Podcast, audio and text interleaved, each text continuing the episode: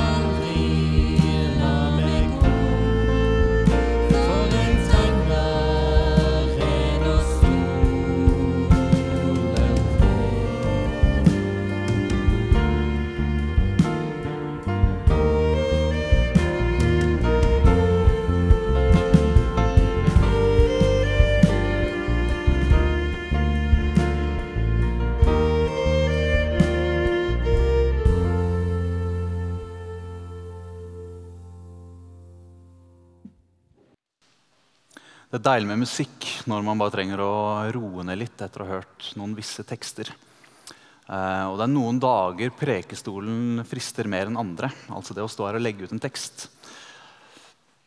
I møte med de tekstene vi hørte i dag, eh, så kjenner jeg særlig på to ting. For det første så syns jeg det er vanskelig jeg synes det er utfordrende å snakke om disse tekstene som har en historie at de er brukt på måter at de har gjort livene til mennesker vanskeligere. Og så får jeg oppgaven som eh, 29 år gammel singel prest å stå her og snakke om ekteskap og skilsmisse. Eh, det er noen åpenbare utfordringer der. Jeg har begrensa erfaring med det. rett Og slett. Og Samtidig så vet jeg at ting som ekteskap og skilsmisse I alle rom hvor det er masse mennesker, så finnes det også masse erfaring med disse tingene. Og ganske sikkert også noen som sitter med en smerte spesielt rundt dette med skilsmisse. Så jeg syns det er vanskelig å skulle snakke om disse tekstene. Men nummer to er at jeg blir fryktelig engasjert. Fordi disse tekstene det gir meg en mulighet til å snakke om det som engasjerer meg aller mest innenfor teologifaget. Og Det handler rett og slett om bibeltolkning. Historisk kritisk metode. Det faktum at hvis du skal lese en bibelsk tekst rett hvis du skal forstå dens fulle mening, så må du forstå at den er skrevet inn i en gitt historisk kontekst. Så jeg tenkte vi skulle kanskje starte der. Starte i bibeltolkninga, starte i historisk kritisk metode. Og så kan vi se hvordan det hjelper oss å møte de litt mer sårbare, litt vanskelige temaene som disse to tekstene tar opp. Flere ganger har jeg fått spørsmålet um, som jeg skjønner at folk stiller. Hvorfor vil du bli prest? Um, og da må jeg rett og slett svare helt ærlig at det vil jeg ikke. Uh, men jeg ble lurt. Jeg, jeg ble forført av den fristerinnen som er bibelfag og historisk kritisk metode. Altså, ja, ja, ja. Det er vakkert, skjønner dere. Fordi jeg ble så fascinert av hvordan det å jobbe vitenskapelig med en bibeltekst, jobbe vitenskapelig med Bibelen, gjør at du kan finne rikdom selv i de mørkeste, vanskeligste tekster. Ja, Av og til spesielt i de. Og For å komme dit så må du ofte starte med å se på hvordan samfunnet var da disse forskjellige tekstene ble skrevet. Og hvis, hvis vi tar og starter med Gammeltestamentet-teksten um, Det er dette med skilsmissebrev og Kan vi være enige om at det er et kvinnesyn her som ikke er helt top notch? Det er liksom en kvinne som ja, du kan skille deg fra hun, men da må hun finne seg en annen mann som blir tatt vare på. Og eh, hvis du finner noe usømmelig hos henne Kvinnen er nærmest et objekt i denne teksten, opplever jeg. Noe mannen kan eie. Men hvis man tilnærmer seg dette med historisk kritisk metode og ser på ja, men hva er det denne teksten gjør i sin samtid da den ble skrevet, så er det fascinerende at dette er en kvinnefrigjørende tekst. Altså, Før denne teksten kommer fram, så er det sånn at hvis mannen fant ut at han hadde lyst til å dra og finne seg noe annet, eller et eller annet, så sto kvinnen alene igjen, økonomisk og sosialt. Og det var vanskelig å gifte seg igjen. Men dette påbudet om at da skal det skrives ut skilsmissebrev, var en vanvittig viktig ting. Det var en beskyttelse for kvinnen. De gir henne muligheten til å gifte seg på nytt, bli forsørga av en ny mann.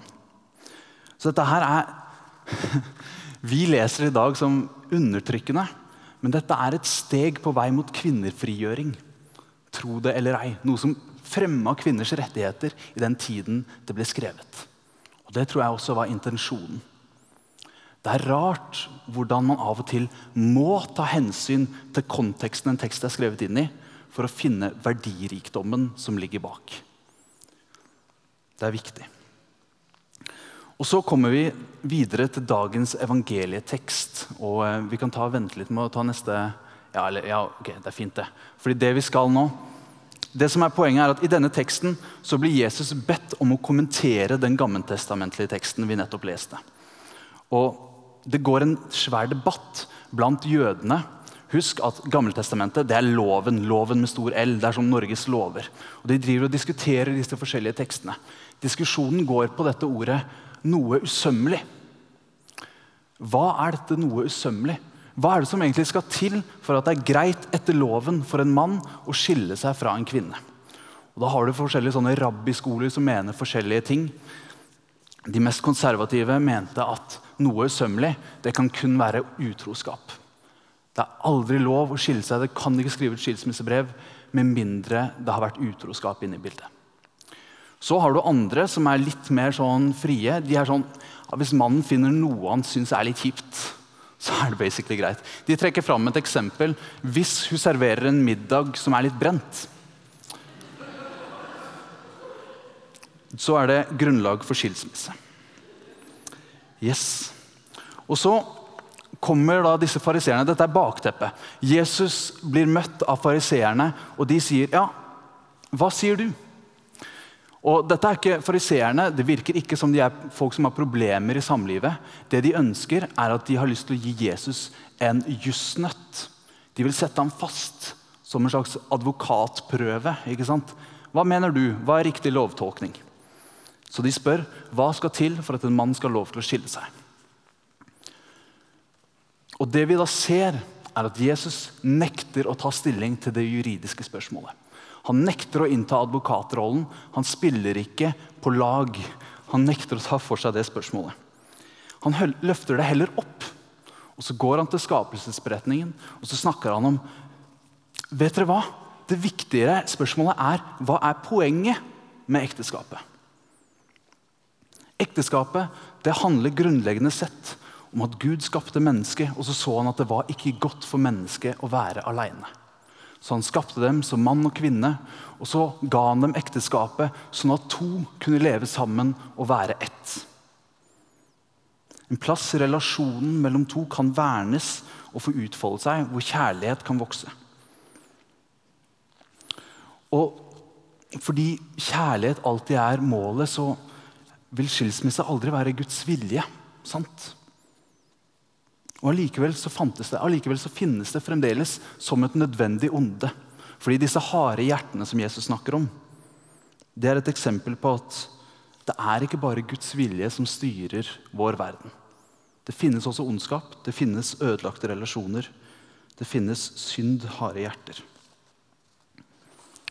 Når vi leser denne strenge teksten, Jesus sine strenge ord om skilsmisse, så må vi lese dem som det de er. Det er ord til fariseerne som virker som de har glemt helt hva poenget med ekteskapet var. Det virker som fariseerne er mer opptatt av rammene rundt og jussen enn av selve relasjonen. De er mer opptatt av ja, hvordan kan vi komme oss ut, og liksom, hva er liksom finurlighetene her, og ikke hva det egentlig skal bygge. Jesus fastslår ja, Rammen er viktig. Og Det ser vi også nå. Forskning og erfaring viser at den formaliseringa og den tryggheten som et ekteskap gir, det er godt for et samliv. Særlig viktig er den formaliseringa av tryggheten der hvor barna er involvert. Men det er ikke rammen som er målet. Målet er relasjonen. Rammene bidrar til at de to kan være ett. Målet er kjærligheten som binder de to sammen, fordi det er fellesskap Gud vil.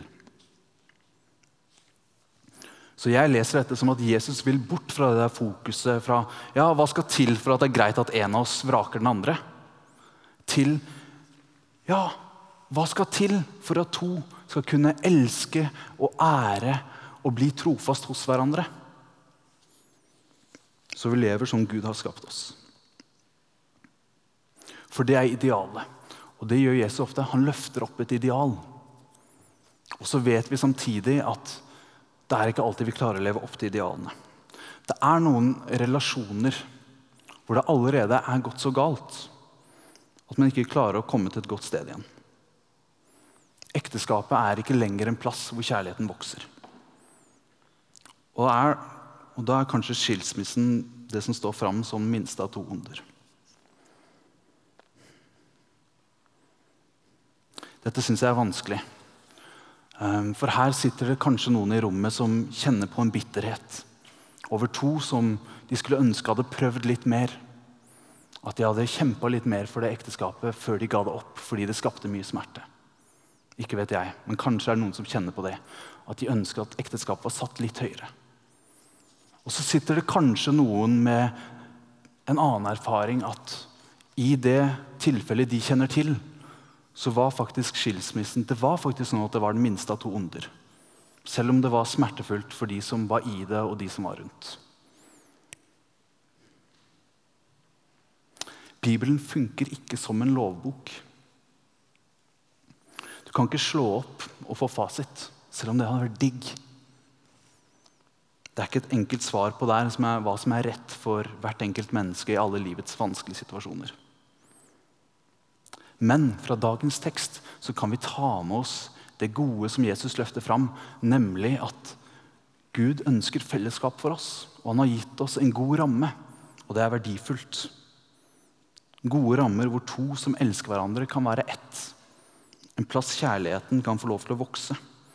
Og der skal det være to likeverdige parter som ønsker å tjene hverandre. Det er dere hører kanskje at jeg brenner litt for dette, men jeg synes det er viktig. Altså. Det er utrolig viktig at vi leser tekstene i Bibelen som skrevet inn i en kontekst. Og ekteskapet, vi vet jo, Det har jo endra my seg mye siden den gang disse tekstene ble skrevet. En greie var at kvinner ble gifta bort da de var 13-14 år gamle. Da er en regel som 'ingen sex før ekteskapet' ganske viktig. I moderne tid så er det blitt vanligere at man venter lenger til at man gifter seg. Og da tenker jeg at Det har også noen konsekvenser for hvordan vi leser Bibelen på dette punktet. Du kan ikke lese Bibelen som en regelbok lenger. Det betyr ikke at Bibelens grunnprinsipp ikke står seg. Jeg tror seksualitet er noe mye mer enn det veldig mye av samfunnet forkynner. Det er noe mer enn nytelse og teknikk. Bibelen sier at seksualiteten er en gave fra Gud. En sårbar kjærlighetshandling, noe som har makten til å knytte to individer som er glad i hverandre, tett sammen. Det er to som blir ett. Og Derfor så hører det til blant mennesker som er glad i hverandre. Og En god måte å sikre det på er jo å vente til ekteskapet. Og Kirka fremhever ekteskapet som en god plass. Den beste plassen for samlivet. Og Samtidig så har Kirka, mener jeg, med rette slutta å fordømme og anerkjent at det finnes også andre plasser i vårt samfunn i dag hvor forpliktende samliv skjer. Forpliktende, gode, nære relasjoner finner også sted i kjæresteforhold og samboerskap. På en helt annen måte enn det gjorde da Bibelen ble skrevet. Det er lov å være uenig med meg i den argumentasjonen, men følger dere meg? Skjønner dere hva jeg mener? All right. Jeg har lyst til å kommentere en siste ting fra dagens tekst. Eh, noen merka seg kanskje at det ble fokusert på mann og kvinne i denne teksten. Kanskje kjente du personlig at det stakk litt da igjen mann og kvinne ble liksom løfta fram som et premiss for ekteskapet. Igjen vil jeg si det er utrolig viktig at vi leser Bibelen som tekster skrevet inn i en kontekst. Mye tyder på at de som skrev disse tekstene, ikke kjente til forpliktende skeive samliv som vi kjenner det i dag. Og Nå på torsdag så skjer det noe jeg har gleda meg lenge til. Terje Hegertun, en av mine gamle forelesere på MF, og en vanvittig dyktig pinseteolog, han kommer hit på Helt ærlig. Han skal snakke om boka han har skrevet som heter 'Det forpliktende samliv'. Det er en bok som jeg har lest nå den siste uka, som er knallgod. Hvor han går igjennom tekster, bl.a. bibeltekster, og jobber med de grundig. Og han skriver om hvordan han har snakka med eh, skeive om deres erfaringer. Og der hvor han ender opp med å argumentere for at også kirkesamfunn, som bl.a. sitt eget utafor Den norske kirke, bør åpne opp for likekjønna ekteskap. Det handler rett og slett om å være tro mot Bibelen. De, det grunnleggende verdisynet som ligger der. Lese den i sin kontekst. Ta på alvor menneskers erfaringer i dag. Det er ikke noe hemmelighet at jeg er enig i det. Det handler ikke om å være politisk korrekt eller å følge tidsånden, som noen virker å tro.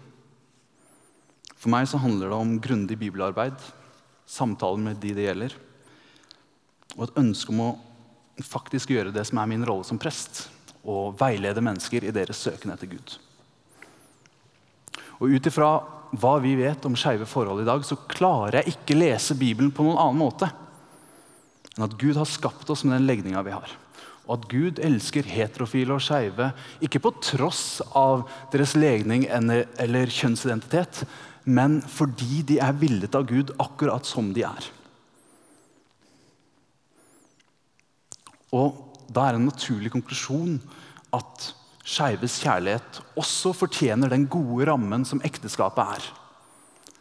Der hvor man får gode rammer, en trygghet, Guds velsignelse lyst over ekteskapet. I St. Jakob har vi også sagt at vi vil være på Skeivt kristent nettverk sin liste over trygge kirker her i Bergen. Det handler rett og slett om at vi tar på alvor at disse tekstene vi snakker om i dag, har blitt brukt på en dårlig måte før. At kirka har diskriminert. At det ikke har vært en trygg plass for bl.a. skeive. Derfor må vi si høyt og tydelig nå at ingen skal behandles annerledes på bakgrunn, av deres kjønnsidentitet eller legning. Og Ingen skal heller behandles noe annerledes i dette fellesskapet om de har en annen konklusjon når det gjelder likekjønna ekteskap, enn det jeg har. Jeg har flere nære venner som leser Bibelen annerledes enn meg på dette punktet. Felles for de er at de er skikkelig bra folk. Og De har også jobber som meg, hvor de ønsker å hjelpe mennesker å søke Gud. Og Bibeltolkning er krevende. Og I St. Jakob så står vi i Den norske kirke, som har vedtatt at vi må leve med to syn i denne saken. Spørsmål om likekjønn og vigsel. Og Det gjelder da også fellesskapet her, hvor vanskelig det enn måtte være. Men vi tror at troen vi deler på Jesus, det knytter oss sammen også på tvers av såre uenigheter. Og vi tror at nattverdens fellesskap det er noe som er sterkere enn våre noen ganger harde hjerter.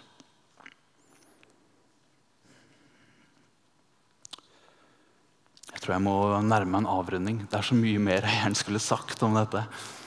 Um,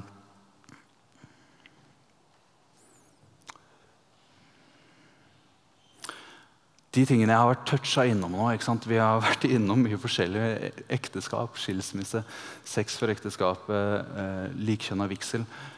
Det berører oss ulikt, men jeg tror det på en eller annen måte angår oss alle. Og det kan fort være noe som rører noe dypt i oss. Og Måten jeg har snakka om det nå, har vært fra en bibel, eh, historisk kritisk bibelfagmetode. Um, og den har sine svakheter. Den forteller langt fra alle sider. Den har sine blindsoner. Det kan nesten bli sånn faglig, mens det vi egentlig snakker om, er ekte liv. Hvis du kjenner at det var et eller annet her som landa litt vondt, hvis det er noe du er uenig i, vit at vi i St. Jakob, studentprestene, meg, Susanne Det er mulig å prate med oss hvis du har lyst til å løfte, lufte en uenighet eller bare snakke. Det er veldig rom for det. Det følte jeg at jeg måtte si nå på slutten, bare fordi det er så heavy ting vi er innom. Jeg tror jeg også skal ta avslutte med en bønn. God Gud, takk for uh, ditt ord til oss, at vi kan uh, få bli kjent med deg. Vi ber om at uh, vi skal lese ditt ord rett. Ber, ber deg om å se i nåde til oss som har oppgaven om å tolke ditt ord og lede andre. Vi ber for dette fellesskapet at eh, alle skal føle seg inkludert, ønska velkommen i det som vi er. At vi skal evne å bygge fellesskap og skape en god kultur og søke deg, Gud, fremfor alt. Vær nær oss i kveld og i uka som kommer. I Jesu navn. Amen.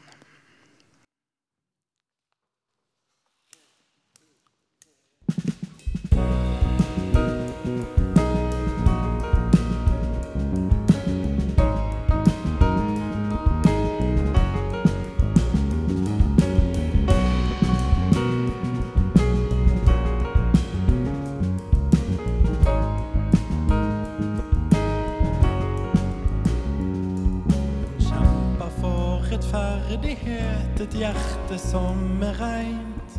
Men alle andre rundt hun sier at det er for seint.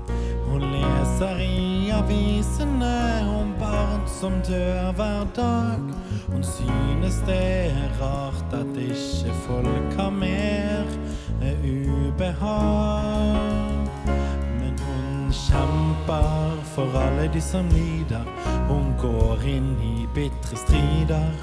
Hun er med de som er aleine, de som sover ute i regnet.